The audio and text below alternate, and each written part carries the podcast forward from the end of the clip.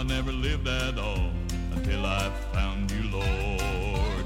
Every day grows sweeter, every day I love you more.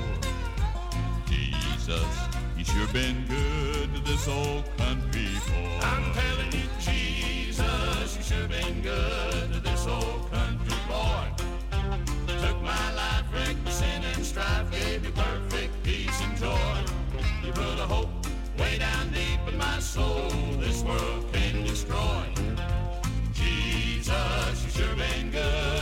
old country boy.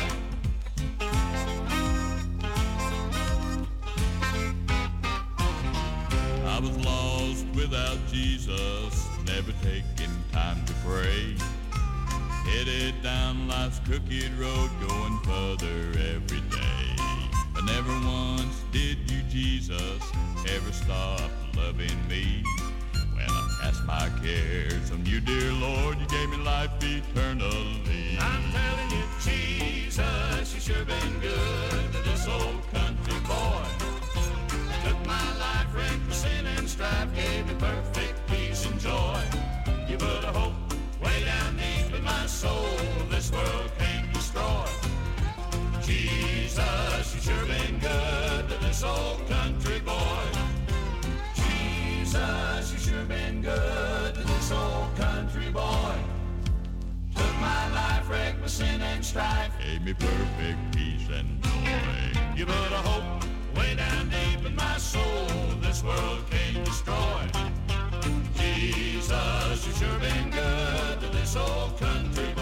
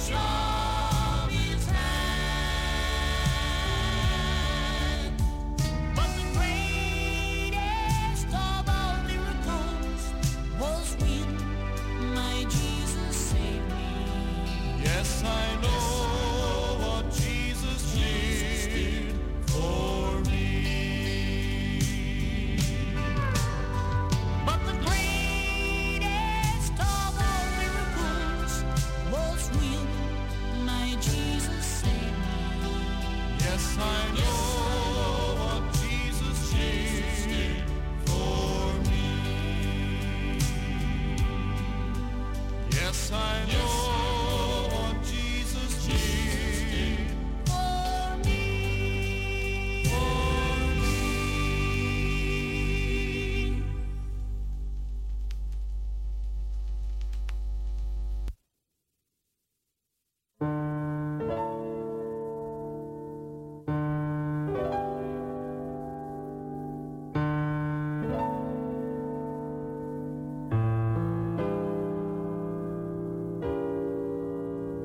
Kom toch alleen maar dicht bij mij. Je hoeft geen woord te zeggen.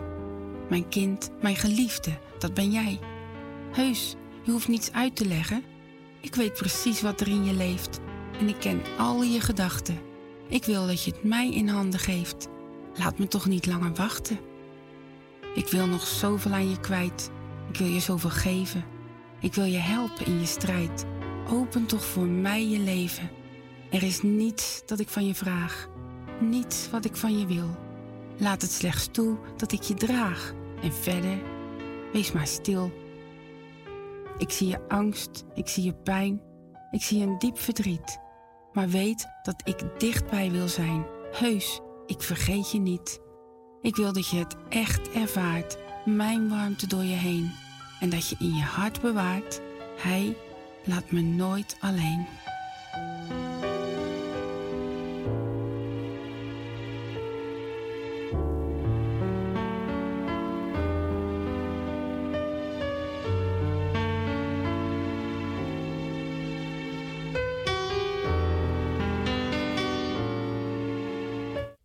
Good morning.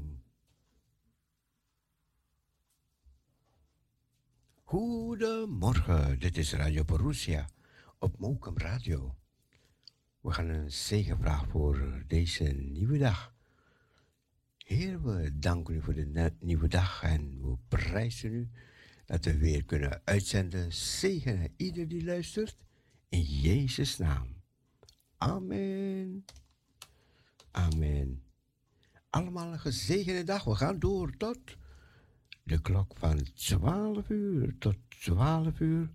Geniet van het programma. Allemaal een gezegende dag toegewenst.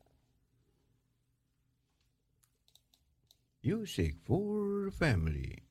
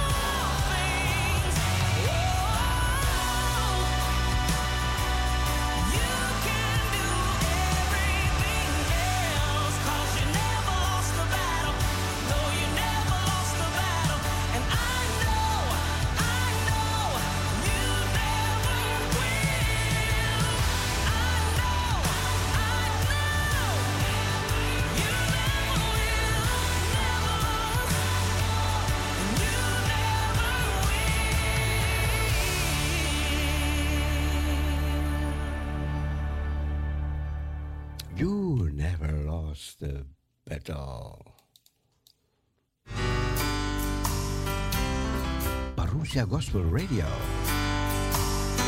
Good morning, good morning.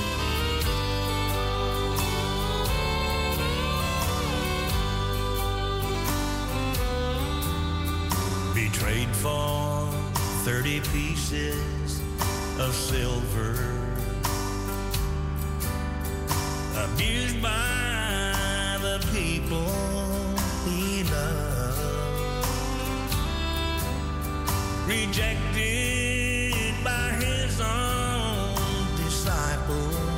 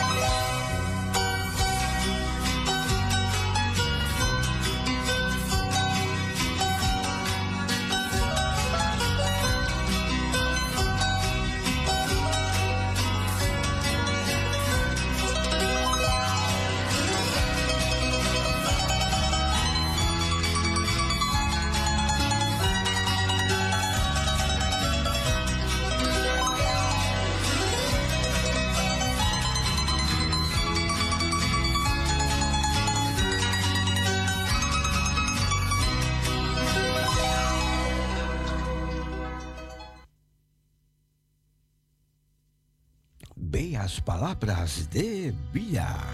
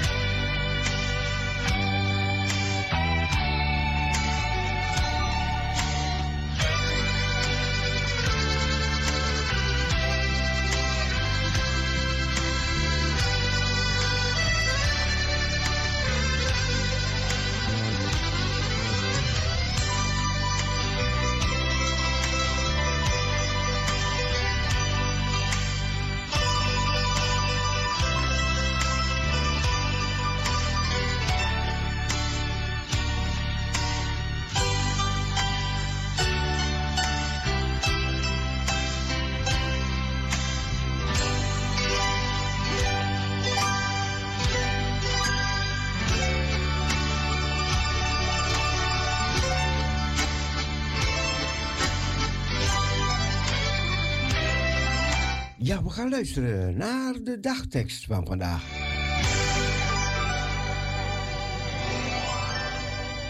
Ja, ik moest even die zon even van televisie en al die andere dingen beschermen. We beginnen met zonneschijn. Later kunnen wolken tevoorschijn komen. Maar eerst de zon, hè.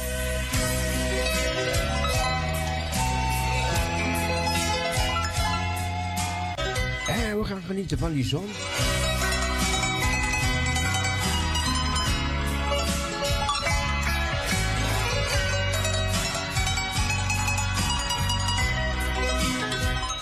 Blijf luisteren naar Parousia Gospel Radio.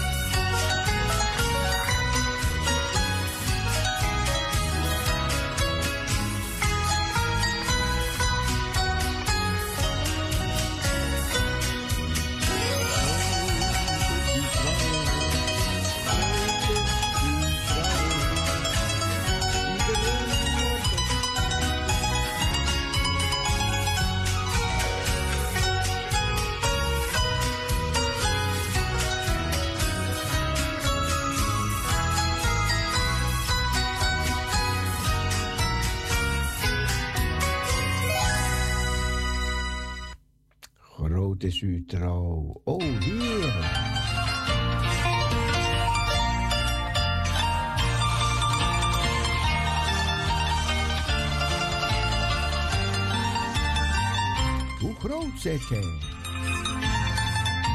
Parousia, goedemorgen. Goedemorgen. Ja, goede paasmorgen. Ja, ja, Tweede ja, ja. paasmorgen zullen we zeggen. Ja, amen. En bij jullie geen paasvuren aangestoken? Jullie houden het netjes? Ja, ja, zeker. Ogenblik, zeker, ik doe die muziek. Ja, die is uit nu. Ja, bij jullie wel? Nee hoor, nee hoor, nee hoor. Dat doen ze echt in het oosten van het land. Ja, daar, ja, ja. en daar klopt. ruik je het mijlenver hoor. Ja, dat is wel zo. ja. Maar eh, nee, ik, ik- het is me niet bekend van deze omgeving. Doen ze op verschillende plaatsen, hè? Ja, ja, ja. Nou, maar ons licht en ons vuur brandt in ons hart. Hè? Ja, ja, ja, ja. En, eh, we hebben weer een eh, spannende dagen achter de rug natuurlijk. Maar ook vreugdevolle dat de Heer is waarlijk opgestaan. Amen. Ja, ja, dat, ja. dat is zeker. Ja, hij is waarlijk opgestaan Ja. en hij leeft. Ja, oh, ja, ja, Aha. Nou, ja. en eh, dan wil ik de dagtekst voorlezen van maandag 18. We gaan luisteren. Dankjewel. Tweede paasdag. Wees dag en nacht opmerkzaam op wat er gebeurt in deze tempel. De plaats waarvan u zelf hebt gezegd dat daar uw naam zal wonen. 1 Koningen 8 vers 29. Wees dag en nacht opmerkzaam op wat er gebeurt in deze tempel. De plaats waarvan u zelf hebt gezegd dat daar uw naam zal wonen. 1 Koningen 8 vers 29. Op de avond van de eerste dag van de week waren de leerlingen bij elkaar. Ze hadden de deuren afgesloten omdat ze bang waren voor de Joden. Jezus kwam in hun midden staan en zei: Ik wens jullie vrede. Johannes 20, vers 19.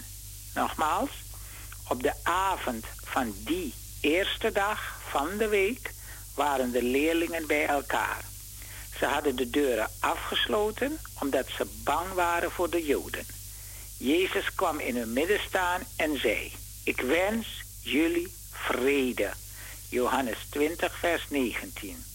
En de dichttekst zegt: Terwijl wij hem bewenen, omdat hij van ons ging, is hij aan ons verschenen in zijn verheerlijking. Terwijl wij om hem treuren, toont hij ons hand en voet. Hij komt door dichte deuren, hij spreekt zijn vrede goed. Nogmaals, terwijl wij hem bewenen, omdat hij van ons ging, is hij aan ons verschenen in zijn verheerlijking. Terwijl wij om hem treuren, toont hij ons hand en voet. Hij komt door dichte deuren, hij spreekt zijn vrede groet. Amen.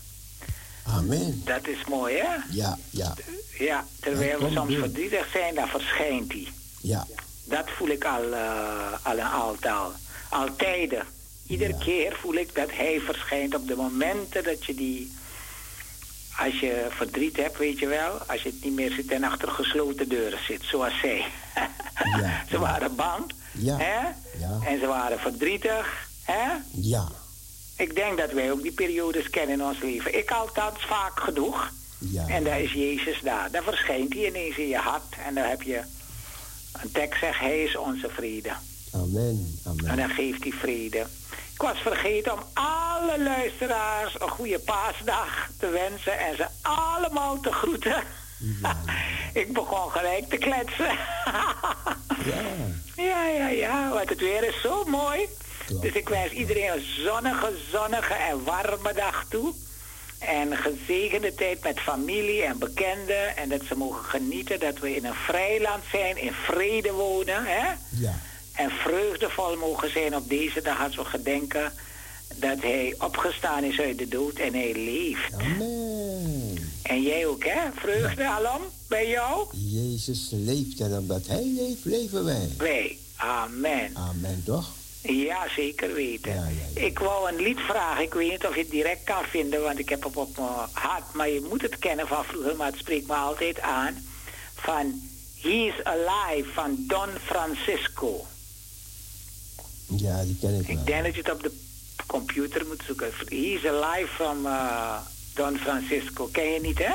Ehm, Het is een hele oude. Hij zingt het ook bij de Gator Singers, weet je wel? ja, ja. Ja, ja. Maar als je het niet kan vinden, Nee, graag wacht, wacht. eentje. Oh, sorry. Wacht even.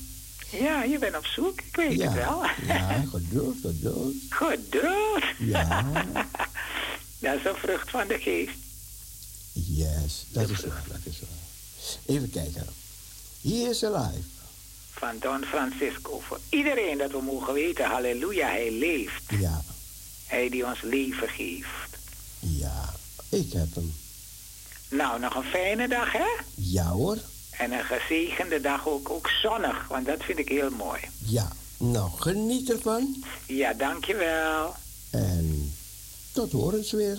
Ja, tot de volgende keer. Dag allemaal. God zegen. Zeker, Dag. dag, dag. Dag.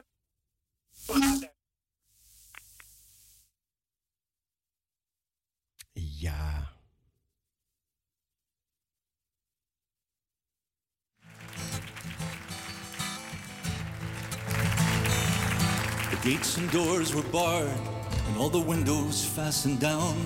I spent the night in sleeplessness, rose at every sound, half in hopeless sorrow, half in fear the day would find the soldiers breaking through to drag us all away.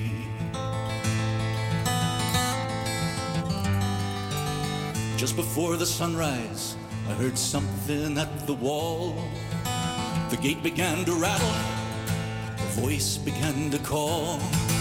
I hurried to the window and looked down into the street, expecting swords and torches and the sound of soldiers' feet. But there was no one there but Mary, so I went down to let her in. John stood there beside me she told us where she'd been. She said they've moved him in the night. None of us knows where. The stone's been rolled away. Now his body isn't there. We both ran toward the guard.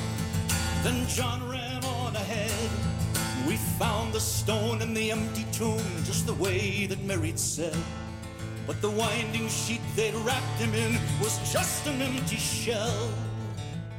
How or where they'd taken him was more than I could tell. Well, something strange had happened there, but just what I didn't know. John believed a miracle, but I just turned to go. Circumstance and speculation couldn't lift me very high. Cause I'd seen them crucify him. Then I saw him die.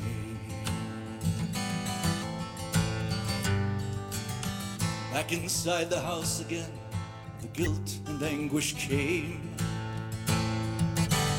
Everything I'd promised him just added to my shame. Cause when at last it came to choices, I denied I knew his name. Even if he was alive, wouldn't be the same. But suddenly the air was filled with strange and sweet perfume. Light that came from everywhere drove shadows from the room. And Jesus stood before me with his arms held open wide. And I fell down on my knees and just clung to him and cried. He raised me to my feet, and as I looked into his eyes, love was shining out from him like sunlight from the skies. Guilt and my confusion disappeared in sweet release. And every fear I'd ever had just melted into peace.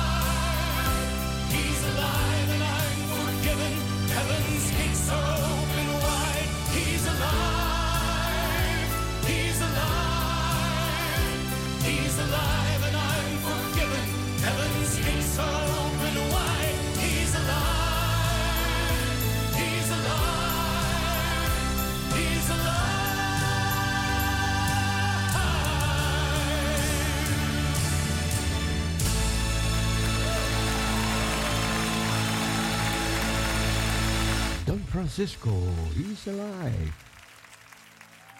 Amen, amen.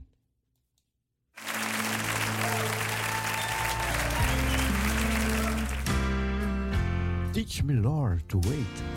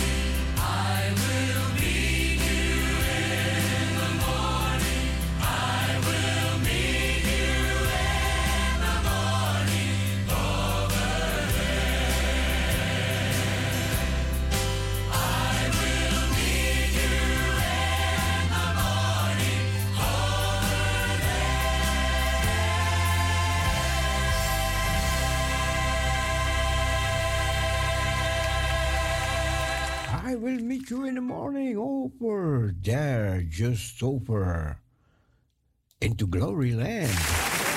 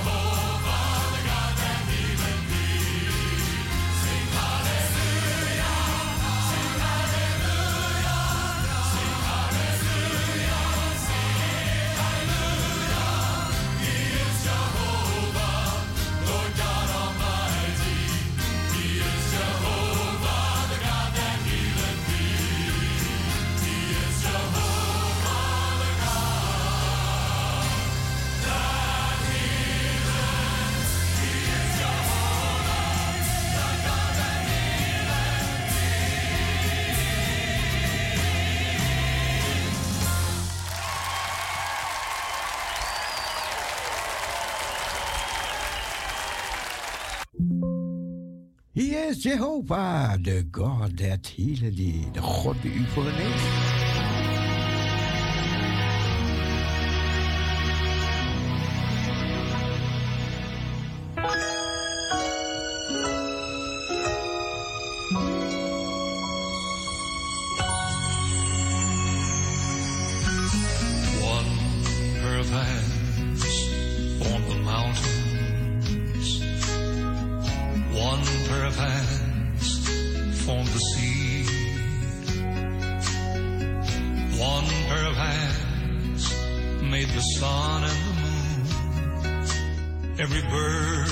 every flower, every tree.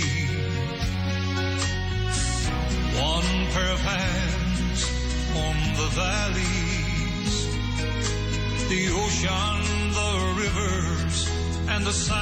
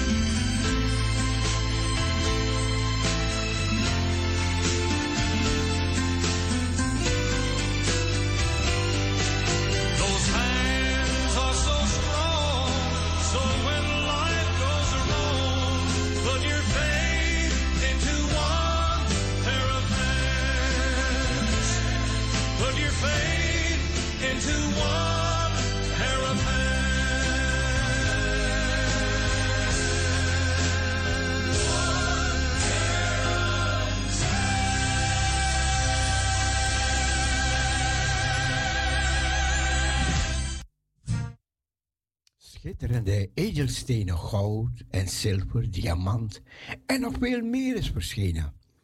Als een kunstwerk uit Gods hand.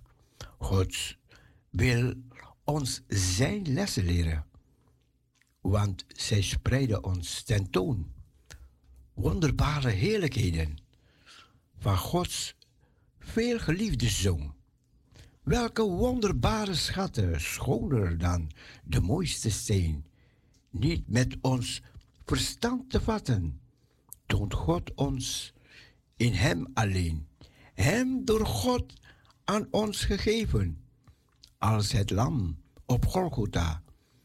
Wie de Zoon heeft, heeft het leven. Wat de rijkdom van gena. Hij leidt ons naar de haven. De Heer is elke dag nabij, bij zonneschijn en stormgerij. Zowel in vreugd als verdriet wijkt Hij van ons zijde niet, want Hij omringt ons elke dag. Wat ons ook wedervaren mag, ons levensschip is in Zijn hand en koerst naar hemels vaderland. Omdat Hij zelf de stuurman is, is onze thuiskomst daar gewis. Met deze hoop in het verschiet verzacht Hij moeite en verdriet. Hoe hoog de golven mogen slaan, we kunnen nooit ten onder gaan. De Heer is immers zelf aan boord. Hij leidt ons door zijn geest en woord, tot wij aan het eind van onze baan de veilige haven binnengaan. Hij leidt ons naar de haven. Psalm 107, vers 30.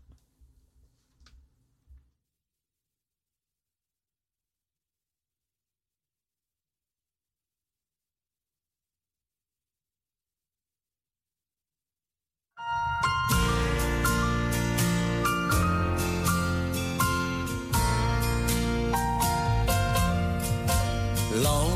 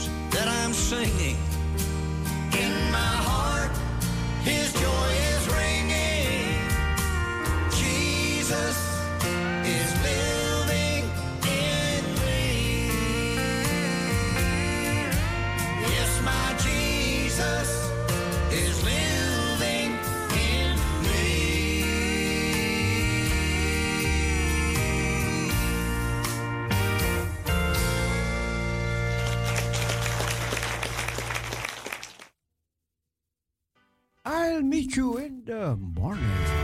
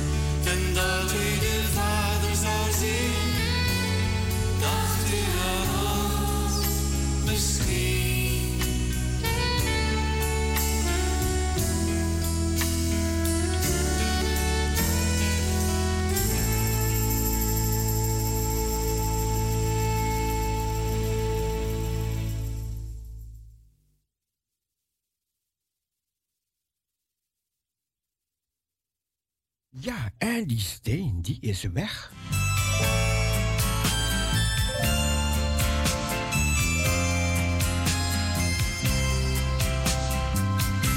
Waarom zou je twijfelen, zodat niets je meer?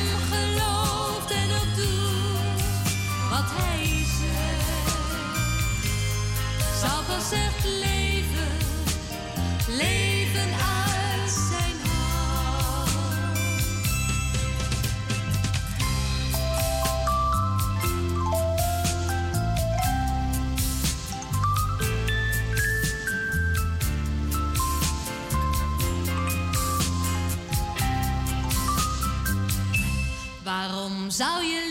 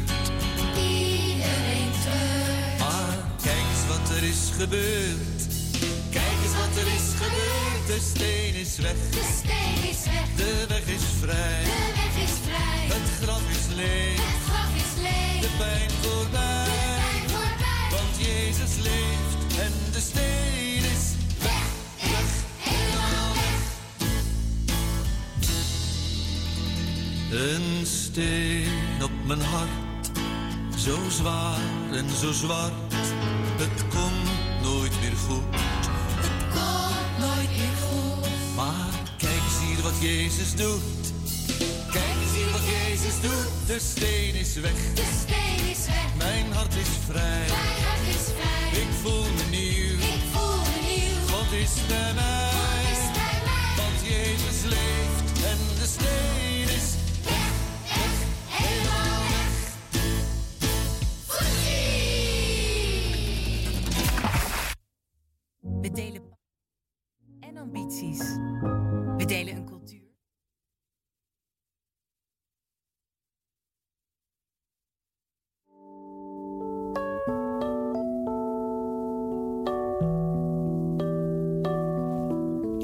Texas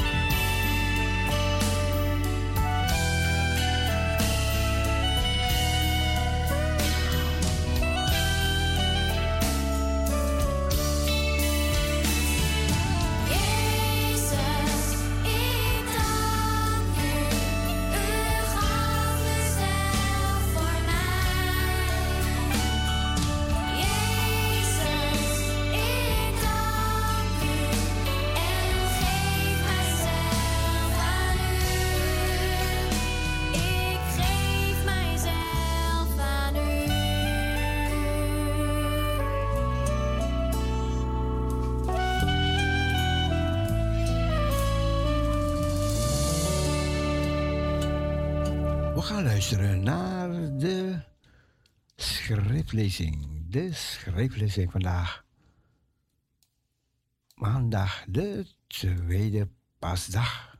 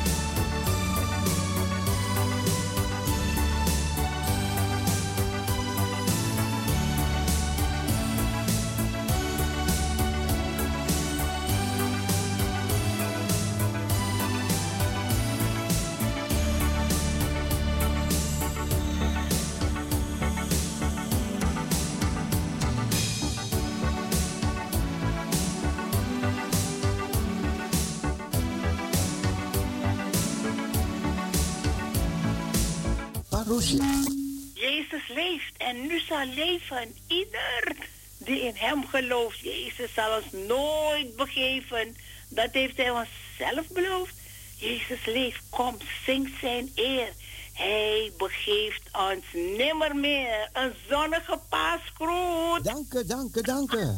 Dank u. Voor u en voor alle luisteraars. Dank je wel. Ook een Ja, een zonnige paasgroet. De Heer is waarlijk opgestaan. Amen. Alle lof, eer, prijs, dank en aanbidding voor onze Heer, Heiland, Redder, Verlosser, Zaligmaker. Nou, ik heb geen naam voor mij, Jezus, want Hij heeft zoveel namen. Ja. Ja, ja, ja, ja, ja. Ik was gisteren heel verdrietig. Oké. Weet u waarom? Nee. Ehm, vorige week donderdag hebben ze eh, die Passion uitgezonden. Oh ja, ja, ja. Ik heb niet gekeken, want ik was er niet. Nee. En eh, gisteravond hebben ze op een ander net die echte, echte passion, zoals het in de Bijbel staat beschreven, Ja. laten zien. En ik kan u zeggen, ik heb gehuild. Oh, oh. Ja, verschrikkelijk. Verschrikkelijk was dat. Nee, nee, nee, Mm, nee. En eh, wat hij voor... Dit is mijn persoonlijke beleidenis hoor. Ja, ja, en dan zeg ik, heer, dit hebt u voor mij gedaan. Wat hem daar is overkomen, wat ze met hem gedaan hebben. Nee, nee, nee. Ik heb gelezen. Ja? Ik, ik heb het niet, niet, niet ehm, helemaal kunnen lezen, want het waren cookies, cookies, cookies. Ja. Maar het heeft heel veel indruk gemaakt in de hele wereld.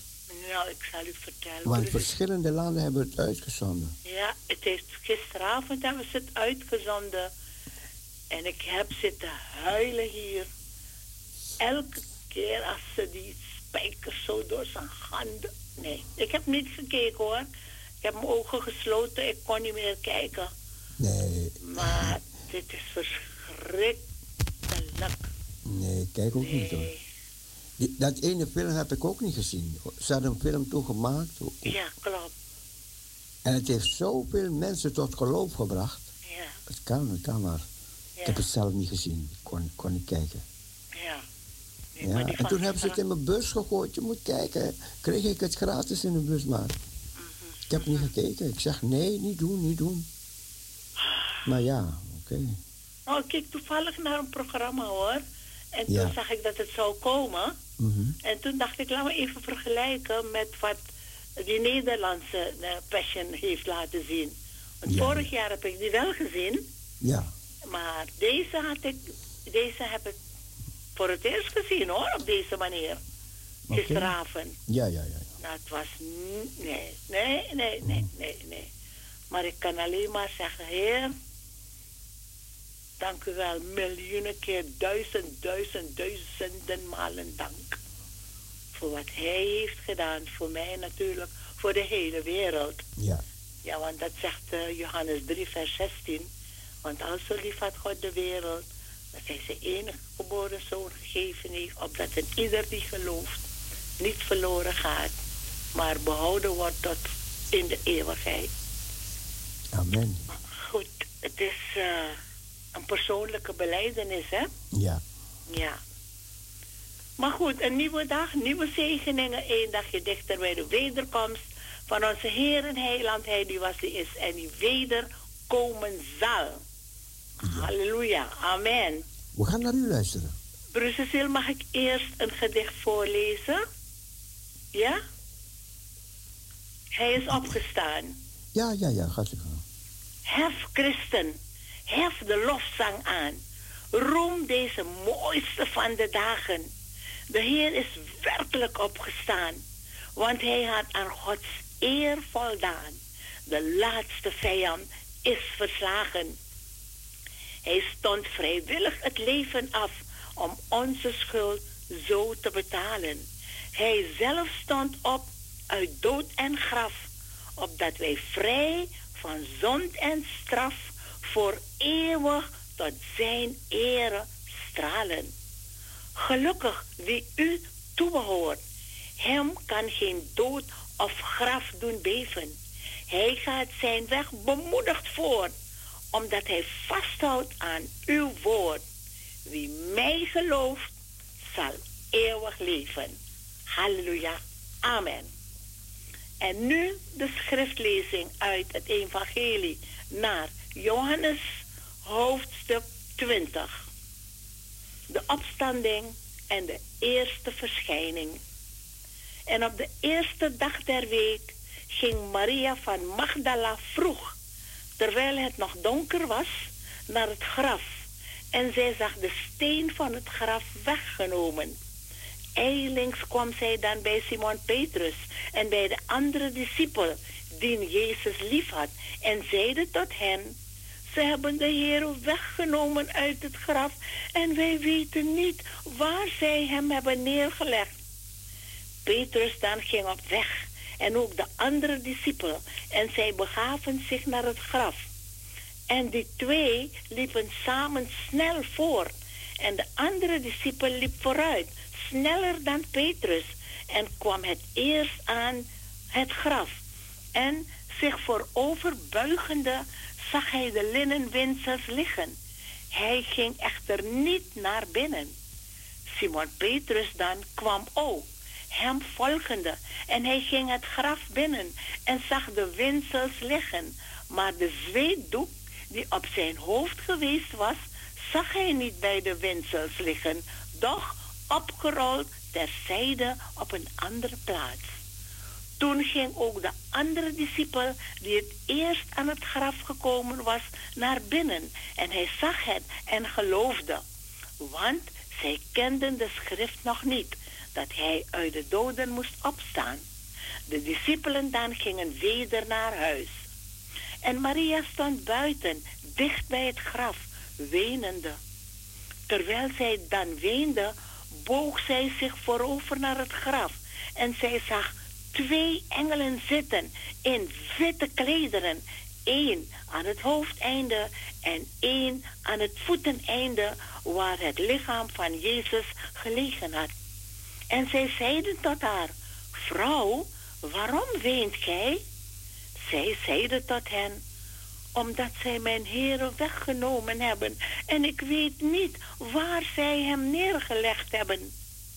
Na deze woorden keerde zij zich om en zag Jezus staan, maar zij wist niet dat het Jezus was. Jezus zeide tot haar, vrouw, waarom weent gij? Wie zoekt gij? Zij meende dat het de hovenier was en zeide tot hem, Heer, als gij hem weggedragen hebt, zeg mij dan waar gij hem hebt neergelegd en ik zal hem wegnemen. Jezus zeide tot haar, Maria. Ze keerde zich om en zeide tot hem in het Hebreeuws, Rabboni. Dat wil zeggen, Meester, Jezus zeide tot haar, houd mij niet vast, want ik ben nog niet opgevaren naar de Vader. Maar ga naar mijn broeders en zeg hun, ik vaar op naar mijn Vader en uw Vader, naar mijn God en uw God. Maria van Magdala ging heen en boodschapte de discipelen dat zij de Heer had gezien en dat hij haar dit gezegd had. De verschijning aan de discipelen. Toen het dan avond was op die eerste dag der week en ter plaatse, plaatse waar de discipelen zich bevonden, de deuren gesloten waren uit vrees voor de Joden, kwam Jezus en stond in hun midden en zeide tot hen, vrede zij u. En na dit gezegd te hebben, toonde hij hun zijn handen en zijn zijde. De discipelen dan waren verblijd toen zij de Heere zagen. Jezus dan zeide nogmaals tot hen, vrede zij u. Gelijk de Vader mij gezonden heeft, zend ik ook u. En na dit gezegd te hebben, blies hij op hen en zeide tot hen, ontvangt de Heilige Geest. Wie gij hun zonden kwijtscheldt, die zijn ze kwijtgescholden. Wie gij ze toerekent, die zijn ze toegerekend. De verschijning aan Thomas. En Thomas, een der twaalfen, genaamd Didymus, was niet met hen toen Jezus daar kwam. De andere discipelen dan zeiden tot hem, wij hebben de Heere gezien. Maar hij zeide tot hen, indien ik in zijn handen niet zie het teken der nagels en mijn vinger niet steek in de plaats der nagels en mijn hand niet steek in zijn zijde, zal ik geen zins geloven. En na acht dagen waren zijn discipelen weer in het huis en Thomas was met hen. Jezus kwam terwijl de deuren gesloten waren en hij stond in hun midden en zeide, vrede zij u. Daarna zeide hij tot Thomas, breng uw vinger hier en zie mijn handen en breng uw hand en steek die in mijn zijde en wees niet ongelovig, maar gelovig. Thomas antwoordde en zeide tot hem, mijn Heere en mijn God. Jezus zeide tot hem, omdat gij mij gezien hebt, hebt gij geloofd. Zalig zij die niet gezien hebben en toch geloven. Jezus heeft nog vele andere tekenen voor de ogen zijner discipelen gedaan, die niet beschreven zijn in dit boek, maar deze zijn geschreven opdat gij gelooft dat Jezus is de Christus, de Zoon van God, en opdat gij, gelovende, het leven hebt in zijn naam. Ik las u voor uit het Evangelie naar Johannes hoofdstuk 20. Zalig allen die het woord van God horen, het in hun hart bewaren en ernaar trachten te leven. Amen, amen. Amen. Broeder Cecile, ik wens u een gezegende draaitijd. God zegen voor u. God zegen voor alle luisteraars. Kunt u alstublieft afdraaien. Opwekking 773.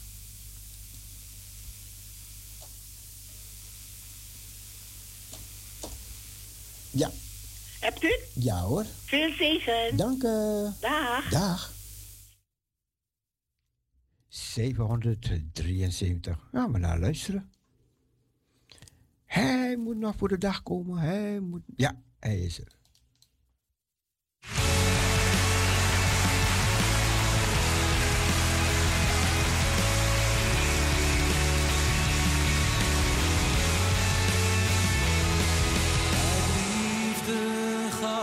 God zijn eigen zoon, die zijn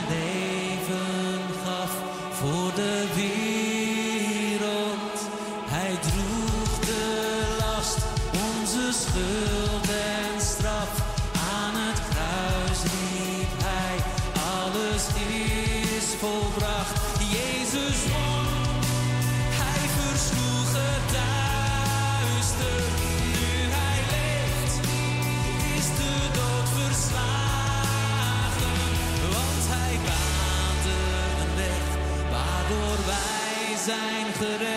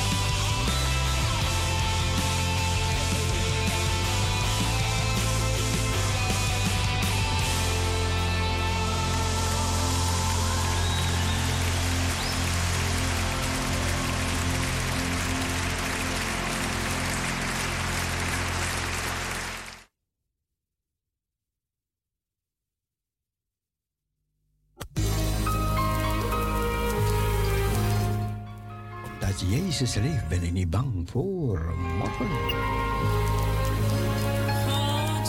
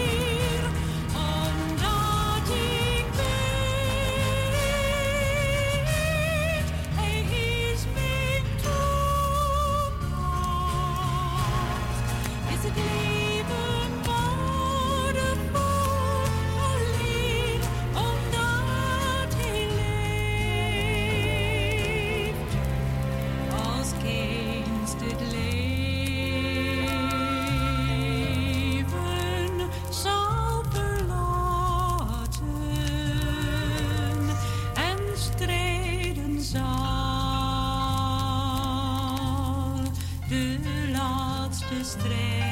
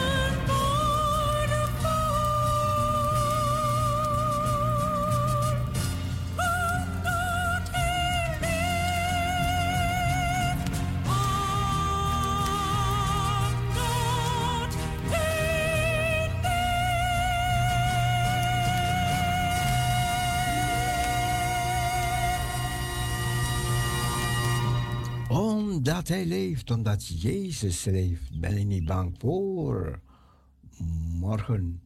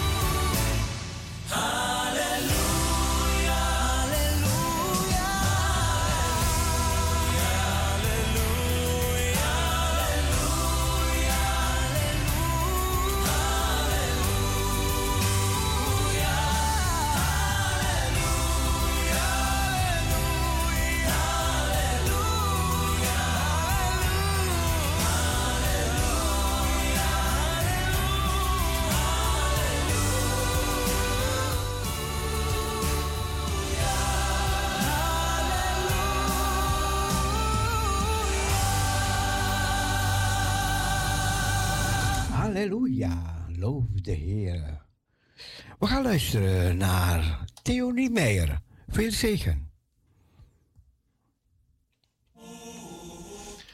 Toen het nu avond geworden was, kwam een rijk man van Arimathea, genaamd Jozef, die eveneens een discipel van Jezus geworden was. En deze ging naar Pilatus en vroeg hem om het lichaam van Jezus. Toen beval Pilatus het hem te geven. En Jozef nam het lichaam, wikkelde het in zuiver linnen en hij legde het in zijn nieuw graf dat hij in een rots had laten uithouwen. En na een grote steen voor de ingang van het graf te hebben gewenteld, ging hij heen. En daar waren Maria van Magdala en de andere Maria gezeten tegenover het graf. Dus het graf werd al bewaakt voordat de soldaten het gingen bewaken. Want er staat in vers 62, de volgende dag, dat is na de voorbereiding, kwamen de overpriesters en de fariseeën gezamenlijk tot Pilatus en zeiden, Heer, we hebben ons herinnerd dat die verleider bij zijn leven gezegd heeft, na drie dagen word ik opgewekt. Geef daarom bevel het graf te verzekeren tot de derde dag. Anders konden zijn discipelen hem komen stelen en tot het volk zeggen, hij is opgewekt uit de doden. En de laatste dwaling zou erger zijn dan de eerste. Pilatus zeide tot hen, hier hebt gij een wacht, gaat heen en verzekert het naar uw beste weten. Ze gingen heen en verzekerden het graf met de wacht naar de steen verzegeld te hebben. Laat, na de Sabbat, tegen het aanbreken van de eerste dag van de week, ging Maria van Magdala en de andere Maria het graf bezien. En zie, er kwam een grote aardbeving, want een engel des Heren daalde uit de hemel neder en kwam nader en hij wentelde de steen weg en zette zich daarop. Zijn uiterlijk was als een bliksem en zijn kleding wit als sneeuw. En de bewakers werden door vrees voor hen, hem bevangen en ze werden zelfs als doden. Doch de engel antwoordde en zeide tot de vrouwen, wees gij niet bevreesd, want ik weet dat gij Jezus zoekt, de gekruisigde. Hij is hier niet, want hij is opgewekt, gelijk hij gezegd heeft. Komt, ziet de plaats waar hij gelegen heeft. En gaat er terstond op weg en zegt mijn discipelen dat hij is opgewekt uit de doden. En zie, hij gaat u voor naar Galilea, daar zult gij hem zien. Zie, ik heb het u gezegd. En ze gingen terstond weg van het graf met vrees en grote blijdschap en liepen haastig voort om het zijn discipelen te berichten. Tot zover deze prachtige geschiedenis. Niet zomaar een verhaaltje, maar een geschiedenis uit het woord van God, waar we straks met elkaar wat meer over na zullen denken. Nadat we met elkaar gezongen hebben, lied 113, het eerste, derde en vierde couplet. Vergeet niet.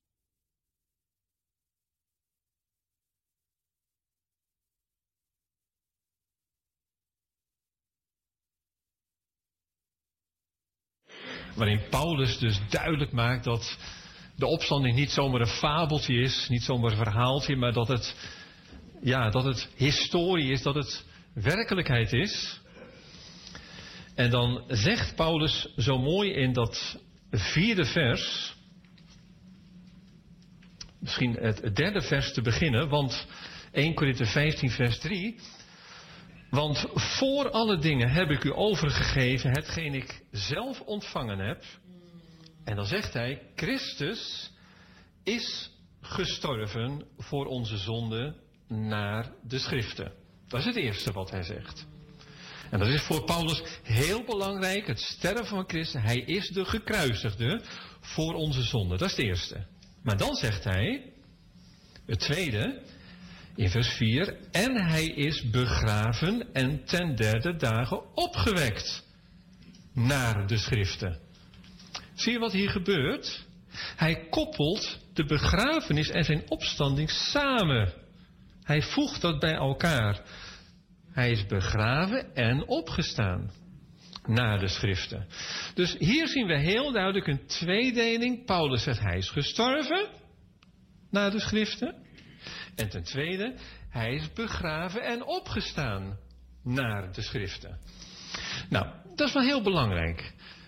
Eerste wat heel belangrijk is, dat is dat Paulus zegt hij is gestorven naar de schriften volgens het woord van God, zoals God dat ook gezegd heeft. Nou, als we de geschiedenis lezen zoals Jezus gestorven is, dan weten we dat het precies gegaan is zoals het in de Bijbel staat. Albert Schweitzer, de bekende filantroop, ook theoloog, die zei over de dood, over het sterven van Jezus, het is hem overkomen. Hij is als martelaar, heeft hij zijn leven gegeven, maar ja, het is hem overkomen. Is dat zo? Is het hem overkomen? Nee, de Jezus is heel bewust naar dat uur toegeleefd. En niemand kon hem daarvan terughouden. Zelfs Petrus niet, die op een gegeven moment zei: dat, dat verhoede God, dat zal nooit gebeuren. Nee, het moest gebeuren. En het gebeurde ook precies zoals het in de Bijbel staat. Weet u, in Exodus 12, hoeft het niet op te slaan, daar, daar wordt aan het Joodse volk duidelijk gemaakt hoe zij jaarlijks het paascha moeten vieren. En dan, dan moet dat paaslam geslacht worden. Dan staat er letterlijk in, in Exodus 12, vers 6. Dan staat er in de Statenvertaling trouwens. In de Statenvertaling staat dat zij een lam moeten slachten. Tussen twee avonden in. Tussen twee avonden in. En weet je wat nou zo mooi is? Het stukje wat we vanmorgen gelezen hebben begint met. Toen het nu avond geworden was. Heeft u het gezien? toen het nu avond geworden was. En dan moet je dat eens verbinden met Matthäus 26, vers 20. In Matthäus 26, vers 20, daar staat.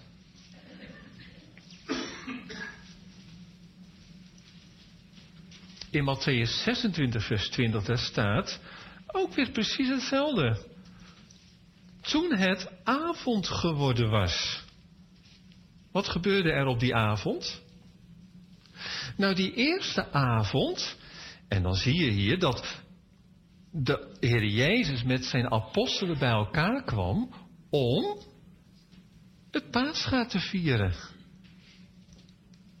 Ja, toch?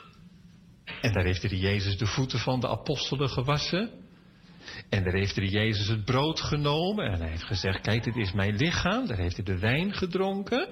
Op die avond, toen het avond geworden was. En nou lezen we weer over. En toen het avond geworden was. Weet je, het is, in, het is als het ware in een razend tempo gegaan. Want,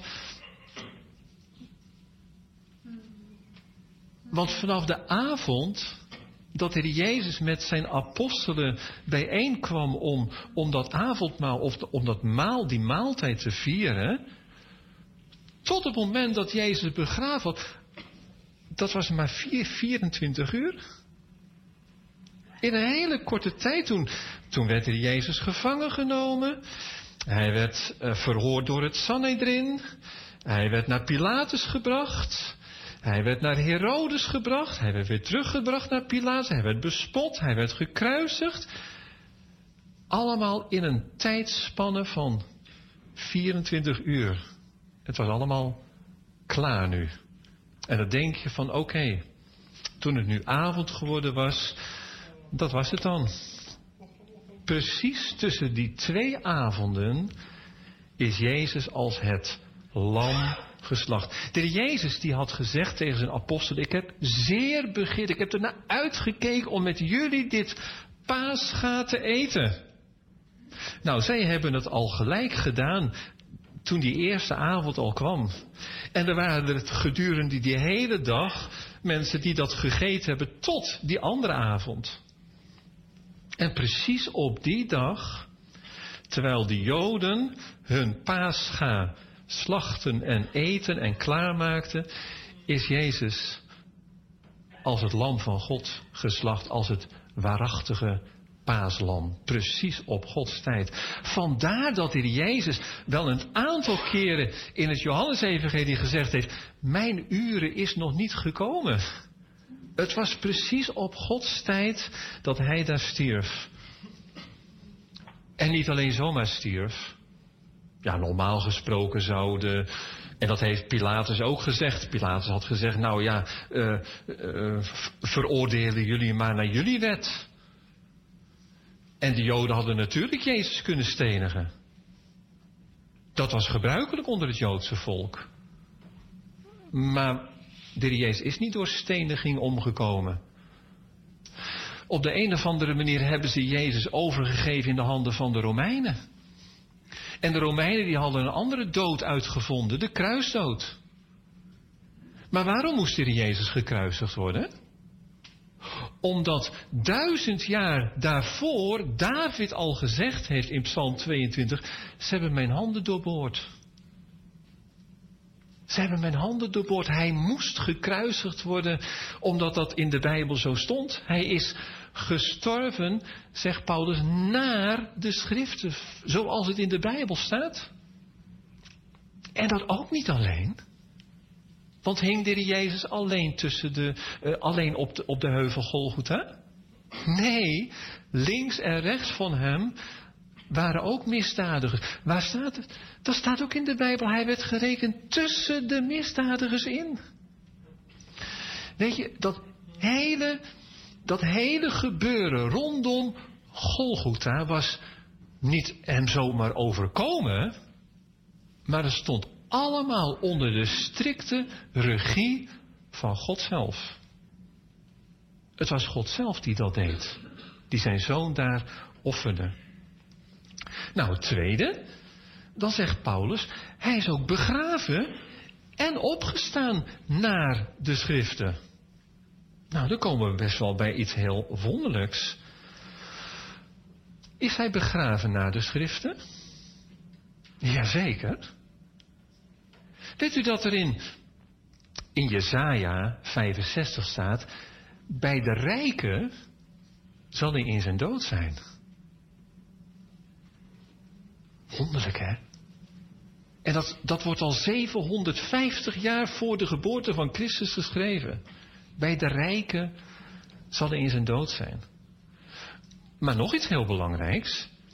Als u in het boek Handelingen kijkt, in Handelingen hoofdstuk 2, daar wordt een psalm aangehaald. In Handelingen hoofdstuk 2.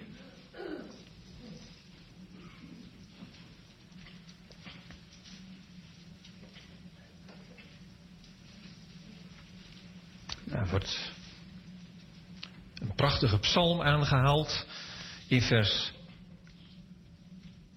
25. Handelingen 2, vers 25. Want David zegt van hem: Ik zag de Heer te alle tijden voor mij.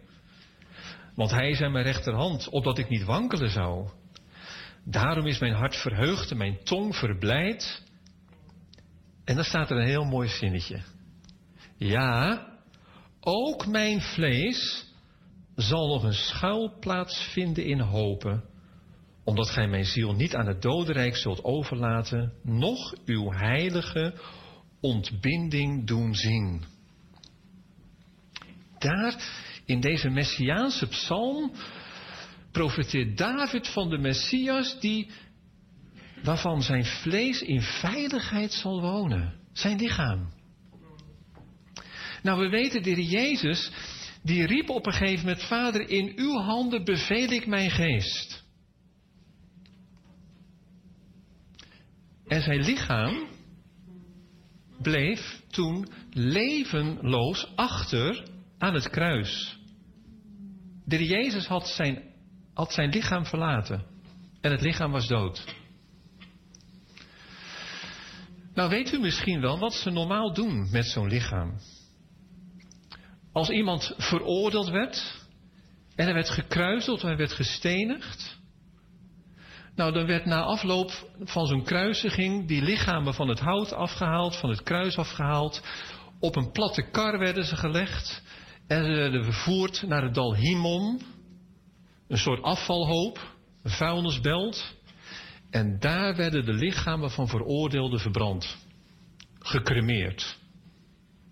Dat zou gebeuren met het lichaam van Jezus. Ja, toch? Maar God had gezegd: nee, dat gebeurt niet. Mijn lichaam zal in veiligheid wonen. En dan gebeurt er iets heel wonderlijks. Want dan komen die fariseeën en schriftgeleerden naar Pilatus en zeggen... Zeg, morgen is het de feestsabbat, de paassabbat, de eerste dag van de ongezuurde broden, het feest. En dan mogen die lichamen niet aan het hout blijven hangen, dus ze moeten er vanaf. Nou, en u weet wat er gebeurd is, hè? Toen zijn ze naar, heeft Pilatus soldaten naar het kruis gestuurd. En eigenlijk, ja, ze zijn, ze zijn daar om negen uur s morgens gekruisigd. En om twaalf uur midden op de dag werd het donker. En om drie uur s middags riep Jezus uit: Het is volbracht. Maar dat kan nog nooit. Na zes uur gekruisigd te zijn, dan al dood zijn, dat, dat kon nooit. Er waren mensen die gekruisigd waren en die soms wel eens twee dagen aan het kruis nog leefden. Want ja, dat was ook natuurlijk een beetje vermaak voor de mensen die daar, die daar leefden. Ze wilden ja, toch de mensen wat afleiding bezorgen. En Pilatus zei, ja, maar dat kan niet. Die mensen die zijn nog maar net gekruisigd, die zijn nog niet dood. En toen heeft hij zijn soldaten naar het kruis gestuurd. En toen kwamen ze bij de beide misdadigers, die leefden inderdaad nog. Toen hebben ze de benen gebroken. En dat was voor hen het moment dat ze stierven. En toen kwamen ze bij het kruis van Jezus. En tot hun verbazing was Jezus al gestorven. Ze begrepen er niks van. En dan staat er, en Johannes, in het Johannesevangelie kunt u dat lezen, Johannes stond op een afstand te kijken wat daar gebeurde. Johannes heeft constant zijn ogen gericht op dat kruis daar. En toen zag Johannes, u kunt het in hoofdstuk 19 lezen van Johannes. Toen zag Johannes dat ze zijn benen niet braken. Zoals ze dat deden bij die misdadigers. Toen zei Johannes, wonderlijk hè? Er staat toch ook in Exodus 12 dat ze de beenderen van het paaslam niet mogen breken? Hij is het paaslam. Hij is degene die, die, die zou komen. En dan ziet Johannes nog iets gebeuren. En toen pakten ze een speer voor de controle. En toen staken die speer zo in zijn zij naar zijn hart toe. En toen kwam er water en bloed uit. En toen zei Johannes, hé, maar in staat dat het Joodse volk zal hem zien die zij doorstoken hebben. Johannes is er helemaal perplex van. Precies zoals het in de Bijbel staat. Precies zo gebeurt het. Johannes zegt, en, en ik heb ervan getuigd, hij is het. Degene die het paaslam is, die zou komen, en de doorstokene die zal komen. Hij is het. Zo hebben ze de Jezus gezien. Nou, dus ze waren alle drie dood. En toen? Ja, die fariseeën, die schriftgeleerden, die hadden dus de opdracht gegeven. Nou ja, en dan? Ze mochten niet aan het kruis blijven hangen. Nou komen we bij een hele mooie vraag. Wie heeft, wie heeft Jezus dan eigenlijk van het kruis afgehaald? Dat is ook nog een hele klus. Ja, dan trek je niet zomaar die handen van het kruis af. Dan moeten die grote nagels die in dat kruis gehamerd zijn eruit getrokken worden. Want, zo, want het lichaam van Jezus zou in veiligheid wonen. En dan zou de Jezus ook op zijn kar gelegd zijn. Maar er kwam wat tussen. Er was nog iemand anders, Jozef van Arimathea. En die had het gezien. En die had, maar dat zal niet gebeuren. Dat zal niet gebeuren. En weet je wat zo mooi is van Jozef van Arimathea, wat we hier lezen? Jozef van Arimathea was een rijk man. Een rijk man. En tegelijkertijd staat er, in vers 57, 57 was eveneens een discipel. Ja, maar dat kan toch niet? Een rijk man, die ook discipel is? Jezus had toch gezegd, als je mijn discipel wilt zijn, dan moet je alles maar wegdoen en mij volgen. En toch kan het, hè? Wat mooi, hè? Wat mooi dat dat kan. De Jezus had nog gezegd, een, een, een kameel kan nog makkelijker door het oog van een naald dan een rijke tot geloof komt. En toch was Jozef van Arimathea tot geloof gekomen. Weet je, er staat ook in de Bijbel dat God heeft helemaal niets tegen mensen die rijk zijn. Er staat ook in de Timotheusbrief dat de Heer niets heeft tegen mensen die rijk zijn. En het is heel mooi dat er mensen zijn die rijk zijn en die met hun bezit en met hun rijkdom God willen dienen. Er staat in Timotheus wel, maar hen die rijk willen zijn. Daar moet je voor oppassen. Want dan is rijkdom, geldzucht, een wortel van alle kwaad. Maar hier zien we Jozef van Arimathea die... En weet je, dat stel, er staat zelfs in het boek Marcus... dat Jozef van Arimathea... die waagde het om naar Pilatus te gaan om het lichaam van Jezus te vragen. Want het was niet buiten zonder gevaar. Ik heb me ook lang afgevraagd. Die vrouwen, die waren erbij toen Jezus begraven werd. Die wisten precies hoe het allemaal gegaan was. Maar waar waren nou die apostelen? We lezen alleen van Johannes dat hij bij het kruis was. Maar de rest van die apostelen, we lezen er niks van. Ja. Ik denk dat de apostelen gedacht hebben, de leider hebben ze gevangen genomen en nu zijn wij aan de beurt. En dat lezen we ook in het vervolg van de geschiedenis. Dat ze zich verborgen achter dichte deuren. En, en, en die apostelen wilden, wilden buiten schot blijven. Terwijl die vrouwen gewoon al de wacht hielden bij het graf. Nou, wat zien we hier? We zien hier dat Jozef van Arimathea, die heeft ervoor gezorgd. eh Jozef van Arimathea, die in de Joodse raad zat. Een heel belangrijk iemand in, het, in de Joodse raad, die niet ingestemd had met zijn veroordeling. En dat Jozef van Arimathea samen met Nicodemus, staat er in Johannes, naar het kruis van Jezus gegaan is. En weet je dat wat er dan letterlijk staat? En zij samen hebben Jezus van het kruis afgehaald. Mooi hè? Ze hebben Jezus van het kruis afgehaald. In, in volkomen smetteloos wit linnen gewikkeld. En toen hebben ze hem in het graf van Jozef Arimathea gelegd. Wat prachtig van deze mensen en wat, wat mooi om te zien dat God de regie had en God ervoor zorgde dat het lichaam niet naar het dal Himon gebracht werd en daar verbrand werd, maar dat het lichaam van Jezus in veiligheid gewoond heeft daar in het graf van Jozef en Arimathea. Wat er met die lichamen gebeurd is van die beide misdadigers, dat weten we niet. Eén ding is wel zeker, dat één van deze misdadigers, toen hij zijn lichaam verliet, dat hij bij Jezus in het paradijs was. Dat weet ik, dat, dat weet ik zeker. Maar wat er met zijn lichaam gebeurd is, dat, dat weten we niet. Ja, en dan?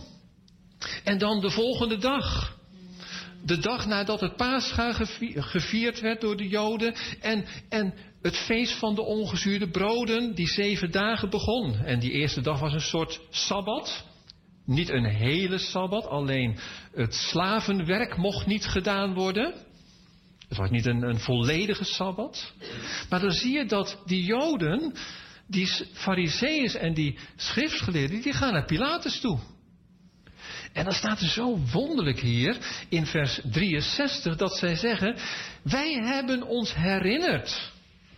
Wij hebben ons herinnerd dat deze verleider. Ja, dan kan je nagaan hoe, hoe hoog die nijd zat van, van, van het Joodse volk. Dat deze verleider gezegd heeft in zijn leven: Na drie dagen word ik opgewekt. Nou, en dat moeten we zien te voorkomen. Na drie dagen word ik opgewekt, deze verleider. Weet je wat ik zo mooi vind in dat stukje in vers 63? Daar staat,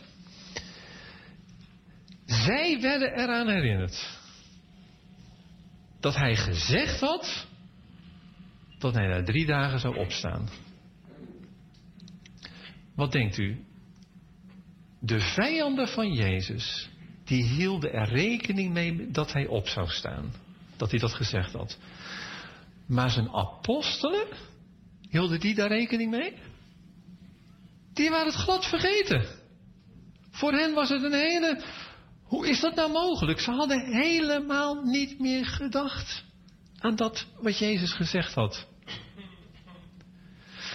Weet je, weet je er, zijn, er zijn in de wereld heel veel mensen die, die soms nog meer bezig zijn met de dingen die God gezegd heeft, dan de christenen zelf.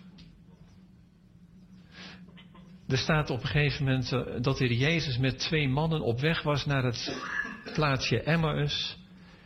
En dan verwijt hij Jezus. Je weet het toch? Het is toch gezegd? Wat zijn jullie toch hardnekkig? Waarom vergeten jullie dat wat, wat hij gezegd heeft? En dat woordje, dat komt drie keer voor in een stukje. Kijk, hier in vers 63 staat dat hij bij zijn leven gezegd heeft. Kijkt u eens in vers 6.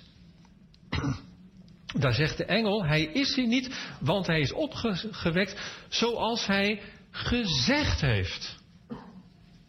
En in vers 8 zegt die engel, zie ik heb het u gezegd. Drie keer komt het hier voor. Drie keer zegt God heel duidelijk, ik heb het jullie gezegd. Je had het kunnen weten. Nou, de apostelen hielden hier eigenlijk helemaal geen rekening mee. Maar de vijanden wel. En ze zetten daar een wacht neer. Wat, wat, ik zo, wat mij zo, zo, zo aanspreekt, dat is hier dat deze fariseeën zeggen...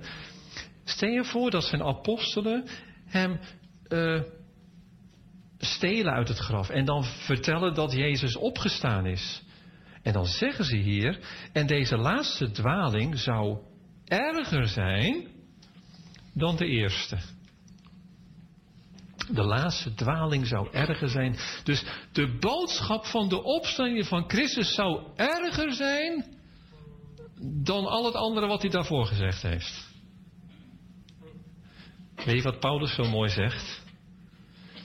Paulus die zegt zo mooi in, in, in, in Romeinen 8. Christus is de gestorvene. Weet je wat hij dan zegt? Wat meer is, hij is de opgestane. Hij heeft de dood overwonnen. Mensen, de opstanding van de Jezus. Dat is zo'n prachtige boodschap. Dat hij de dood overwonnen heeft. Dat zie je door het hele boek Handelingen heen. In het hele boek Handelingen lees je en ze ver- vertelden over de opstanding van Jezus. Dat was de boodschap. Dat Jezus de dood overwonnen heeft. Nou, hier zien we de Jezus in een graf liggen. Een grote steen voor het graf. Een zegel over het graf heen ge- geplakt. Soldaten voor het graf. Nou, het is toch wat, hè? Denk je van, dit is het dan. Dit is het einde van deze beweging. Wat denkt u? De Jezus heeft toch gezegd, kijk maar naar Jona. Wat er met Jona gebeurd is. Zoals Jona drie dagen en drie nachten in het hart van de zee was, zo ook de zoon des mensen. Nou, als u nou een van die scheepslui geweest zou zijn, die op die boot zat van Jona, en u heeft Jona overboord gejonast. Dag Jona. Zou er ooit één gedachte bij u geweest zijn van die man die zien we nog wel weer een keertje terug? Nee toch? Niemand die er ooit aan gedacht zou hebben. Jona, oh maar, eens maar even, die zien we zo weer terug. Nooit. Je gooit hem overboord en hij is weg. Ja toch? Daar denk je toch echt niet over nadat hij nog terugkomt? Ik zeg wel, wat, is het, wat zal dan mooi geweest zijn, hè? Dat, dat schip die heeft, heeft zijn vracht overboord gegooid, had helemaal niks meer. Die hoefde ook niet verder te varen. De storm was gestild. Wat doet zo'n schip?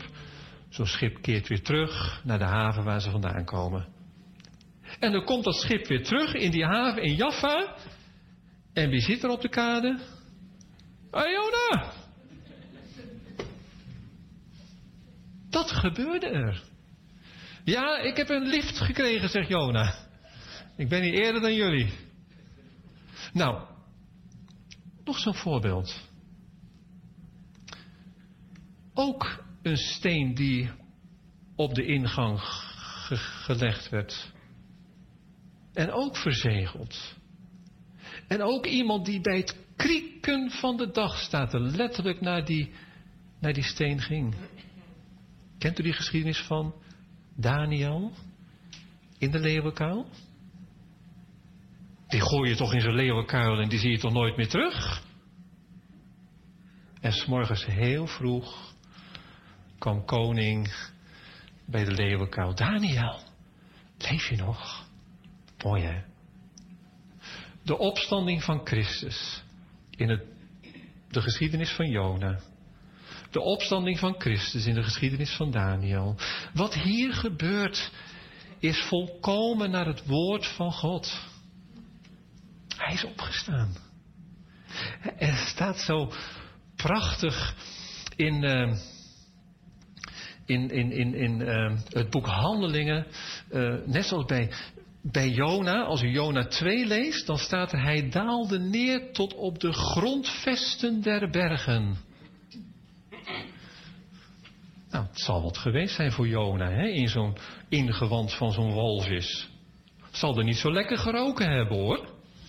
En al die kwabben die tegen hem aankomen. En dat donker daar. En, en dat water wat over hem heen stroomt. En af en toe een hap lucht kunnen krijgen. Nou, wat, wat is die man benauwd geweest? En, en dat, hij, dat hij dan schrijft. Ja, hij schreef niet in dat ingewand van die. eh, maar later, toen hij eruit was. Dan schrijft hij. eh, en de grendelen van de aarde. waren voor altoos achter mij gesloten. Ik weet niet of u wel eens aan diepzeeduiken doet. Maar als je dan heel diep in de zee komt, dan denk je van, oh jongens, wat een hè. Daarboven, om daar weer boven het water uit te komen. Nou, Jona die is zo diep weggezakt. De grendelen waren voor altoos achter hem gesloten. En wat staat er dan? Toen trok gij mij op uit de dood. En Jona werd levend. Hij verbrak, staat er in Handelingen 2, hij verbrak de weeën van de dood. En de dood kon hem niet vasthouden. Hij, niet alleen, maar wat staat er in Efeze 4? Kent u dat stukje dat Jezus, voordat hij deze weg ging, met zijn apostelen op de berg was en verheerlijkt werd? Toen kwamen er twee mannen bij hem. Weet u nog wie dat waren? Mozes en Elia, die met hem spraken. Weet u waar ze het over gehad hebben? In Lucas staat, ze hadden het over zijn uittocht, zijn exodon, staat er letterlijk, die hij in Jeruzalem zou volbrengen. Je zou toch denken, als de Heer een ontmoeting heeft met Mozes, dan gaan ze het over die, die uittocht die uittocht uit Egypte hebben en over die muren water waar ze tussendoor gelopen hebben op- in die Rode Zee. En Elia zal toch gehad hebben over die 450 baalpriesters die op de berg Karmel overwonnen zijn. Dat zijn verhalen waar je het dan over hebt. Ze hebben het er niet over gehad. Want wat was, wat was er met Mozes en Elia gebeurd? Wat was er met Abraham gebeurd, de vriend van God? Wat was met David gebeurd? Na hun sterven, na hun overlijden, zijn ze allemaal afgedaald naar de dodenrijk. Kent u dat stukje van de rijke man en de arme Lazarus? Wie was daar in het dodenrijk? Lazarus. Er was wel een scheiding tussen degenen die als ongelovig gestorven zijn en gelovig. Maar iedere gelovige daalde neer in het dodenrijk omdat alle offers in het Oude Testament die gebracht werden, konden hun zonde niet vergeven. Ze werden onder het geduld van God bewaard. En al die oud-testamentische gelovigen waren nog steeds daar in het dodenrijk. Daar hadden Mozes en Elia het over met Jezus. Over die uittocht die zou pla- plaatsvinden. En weet je wat Jezus gedaan heeft? Jezus, toen, toen Jezus zei, Vader, in uw handen beveel ik mijn geest, toen was inderdaad zijn lichaam ontzield, ontgeest, om maar zo te zeggen. Maar hield Jezus toen op te bestaan? Was toen het einde van Jezus? Toen is Jezus, in Efeze 4 staat dat, afgedaald, niet ter helle, zoals bepaalde geloofsbelijdenissen zeggen, dat staat er niet in de Bijbel. Hij is afgedaald naar de lagere aardse gewesten in het dodenrijk. En wie zag hij daar in het dodenrijk? Hoi, Abraham! Hey, Mozes! Elia! David! Isaac! Jacob! Ezra! Al die gelovigen die daar als krijgsgevangenen in dat dodenrijk waren. En toen zei Jezus niet na een moment van ontmoeting, nou leuk om jullie gezien te hebben, ik ga weer. Denkt u dat? Nee. Het offer voor de zonde was volbracht. Ze hoefden daar niet meer te blijven in het dodenrijk. Wat heeft Jezus gedaan? Er staat in Efeze 4, hij heeft ze als krijgsgevangenen meegevoerd. Waar naartoe? Naar het paradijs. Heden zult gij met mij in het paradijs zijn. En het paradijs, dat gebruiken ze wel eens als een uitdrukking voor de Hof van Eden. Maar het staat daar niet in Genesis 3. Het woordje paradijs is een Aramees woord. En daar wordt mee bedoeld een, een tuin, een hof rondom het paleis. Een paleistuin. Je zou kunnen zeggen, de prachtige omgeving rondom het vaderhuis. Nee, no- nog niet in het vaderhuis hoor. Daar gaan we straks met z'n allen tegelijk naartoe. Maar wel vlak bij Jezus. Bij Jezus. Mensen, dat betekent dat hier Jezus de dood al overwonnen had voor de paasmorgen. Hij had de dood al overwonnen toen hij riep: Het is volbracht. Vandaar dat de engel zegt: Jullie hoeven niet bang te zijn. U hoeft niet te vrezen, want we zoeken Jezus de gekruisigde. Mag ik u eens heel persoonlijk vragen? Mag ik jou eens persoonlijk vragen? Heb jij Jezus de gekruisigde al gevonden in je leven? Heb je je knieën al voor hem gebogen? Heb je je zonde beleden? Heb je hem gedankt dat hij voor jou gekruisigd was met jouw zonde en dat hij voor jou het oordeel gedragen heeft? Weet je, dan hoef je niet bang te zijn. Dan hoef je niet te vrezen. Want dan heb je eeuwig leven. Wat geweldig om dat te mogen weten. En op deze eerste dag van de week, s'morgens heel vroeg, toen de, de vrouwen kwamen om, om, ja wat staat er, tegen het aanbreken van de eerste dag gingen Maria Magdala en de andere Maria het graf, het graf bezien. Nou, andere evangelie die zeggen iets anders. Die gaan het wat nauwkeuriger vertellen. Die, die wilden het lichaam van Jezus gaan balsemen. Als het ware Jezus, het lichaam van Jezus vasthouden zoals ze dat gewend waren. Hier op aarde. Heel veel mensen zijn nog steeds bezig om het, het, leven, het lichaam van Jezus te balsemen. Hè? Ik zeg wel eens, al, als mensen een voorstelling willen maken van wie Jezus is, dan denken ze heel vaak aan de plaatjes uit de kinderbijbel van, eh, van Anne de Vries of W.G. van der Hulst. En dan denken we altijd aan Jezus, een, een mooie slanke man met een mooi baardje, half lang haar, een mooi wit kleed. Dat is Jezus. En zo ben je Jezus aan het balsemen. Maar Paulus zegt, maar nu niet meer. Dit is Jezus niet meer. Dit Jezus is opgewekt en verheerlijkt. Zoals in openbaring 1 staat. Nee, je kunt hem niet vasthouden. Zoals hij hier op aarde eh, 33 jaar geleefd heeft. Hij is verheerlijkt. Hij is opgewekt, staat er, door de majesteit van de Vader. En dan gebeurt dat grote, grote wonder. Dan komt de engel, een engel des Heren naar beneden. Eén engel. En er zit een heleboel op zijn kop. Eén engel. Toen in Egypte. En heel Egypte was in rouw gedompeld. Eén engel. De hele, alle Arameërs waren overwonnen. Eén engel. En er kwam een geweldige aardbeving. De opstanding van Christus brengt zoveel teweeg. Een engel bij de geboorte van Jezus, een engel bij de opstanding van de Jezus, een engel bij de wederkomst van de Jezus. En deze engel staat er heel eenvoudig in vers 2, hij wentelde de steen weg. Hij wentelde de steen weg en, en in het wegwentelen van die steen zou je vier dingen kunnen zien. In de eerste plaats staat er, door het wegwentelen van de steen kon men zien dat het graf leeg was. Het, mag ik het zo zeggen, de waarheid werd zichtbaar. Moest de steen weggewenteld worden om de Jezus op te laten staan? Nee, hij was er al niet meer. De Jezus die kon zo door dichte deuren naar binnen of naar buiten. Die steen die kon hem niet tegenhouden.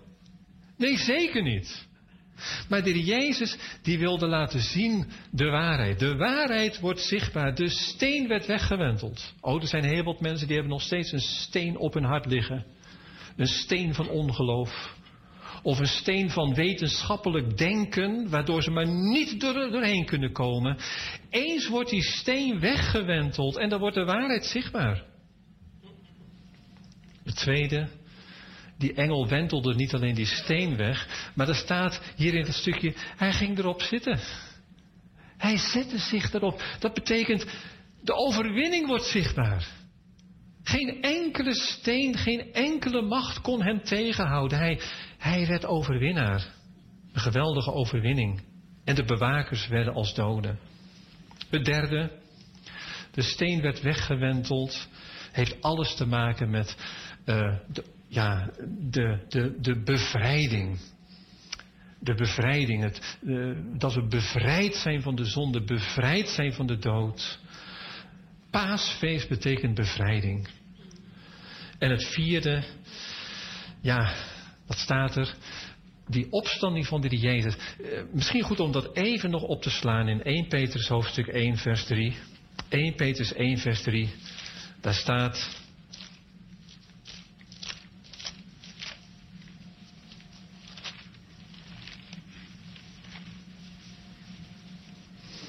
In 1 Petrus 1 vers 3, daar lezen we de woorden...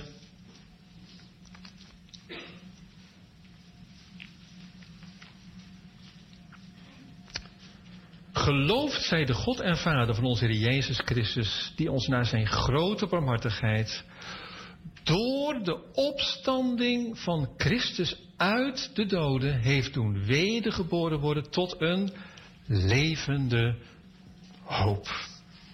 De opstanding van Christus betekent de waarheid wordt zichtbaar. De opstanding van Christus, het lege graf, betekent de overwinning is behaald. Het wegrollen van de steen betekent, we hebben de bevrijding gekregen in Christus. De dood kan ons niet meer vasthouden. En het vierde wat je kunt lezen, dat is de opstanding van Christus brengt ons een geweldige hoop. Een geweldige hoop in de opstanding van Christus. Hij is hier niet. Hij is opgewekt. En dan zegt de Jezus, en daarmee willen we dan eindigen. Of de, de engel zegt aan het einde van vers 7. En zie, hij gaat u voor. En je zult hem mogen zien. Daar willen we vanmorgen mee eindigen. Hij gaat ons voor. Er staat zelfs in de Colossensebrief, hij is onze voorloper geworden. Hij is voor ons uitgegaan. En en wij mogen op weg gaan. Nee, we hoeven niet bij dat graf te blijven zitten. We hoeven niet bij het kruis te blijven, maar we mogen op weg gaan. Er staat, gaat op weg. Ga op weg. Hij gaat u voor. Dat betekent, hem mogen we volgen. Corrie Boom die zei altijd zo mooi, als hij onze goede herder is, en hij gaat voor zijn schapen uit, dat zegt hij letterlijk, dan zegt Corrie ten Boom, die zijn zo mooi, dan komen we nooit op een plekje waar hij niet geweest is. Hij is voor ons uitgegaan. En straks. Tot zover het gedeelte uit dit woord. De paasboodschap. We nemen u mee naar de klok van 12 uur tot 12 uur. Mo mo mooi moment. Praise the Lord. Hallelujah. Jesus is Lord.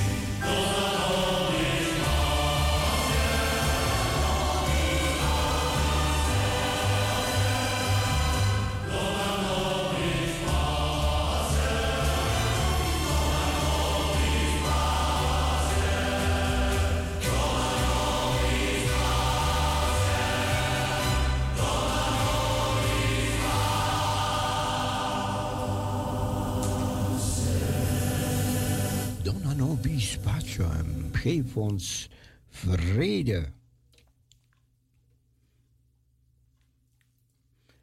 Dankzij die Heer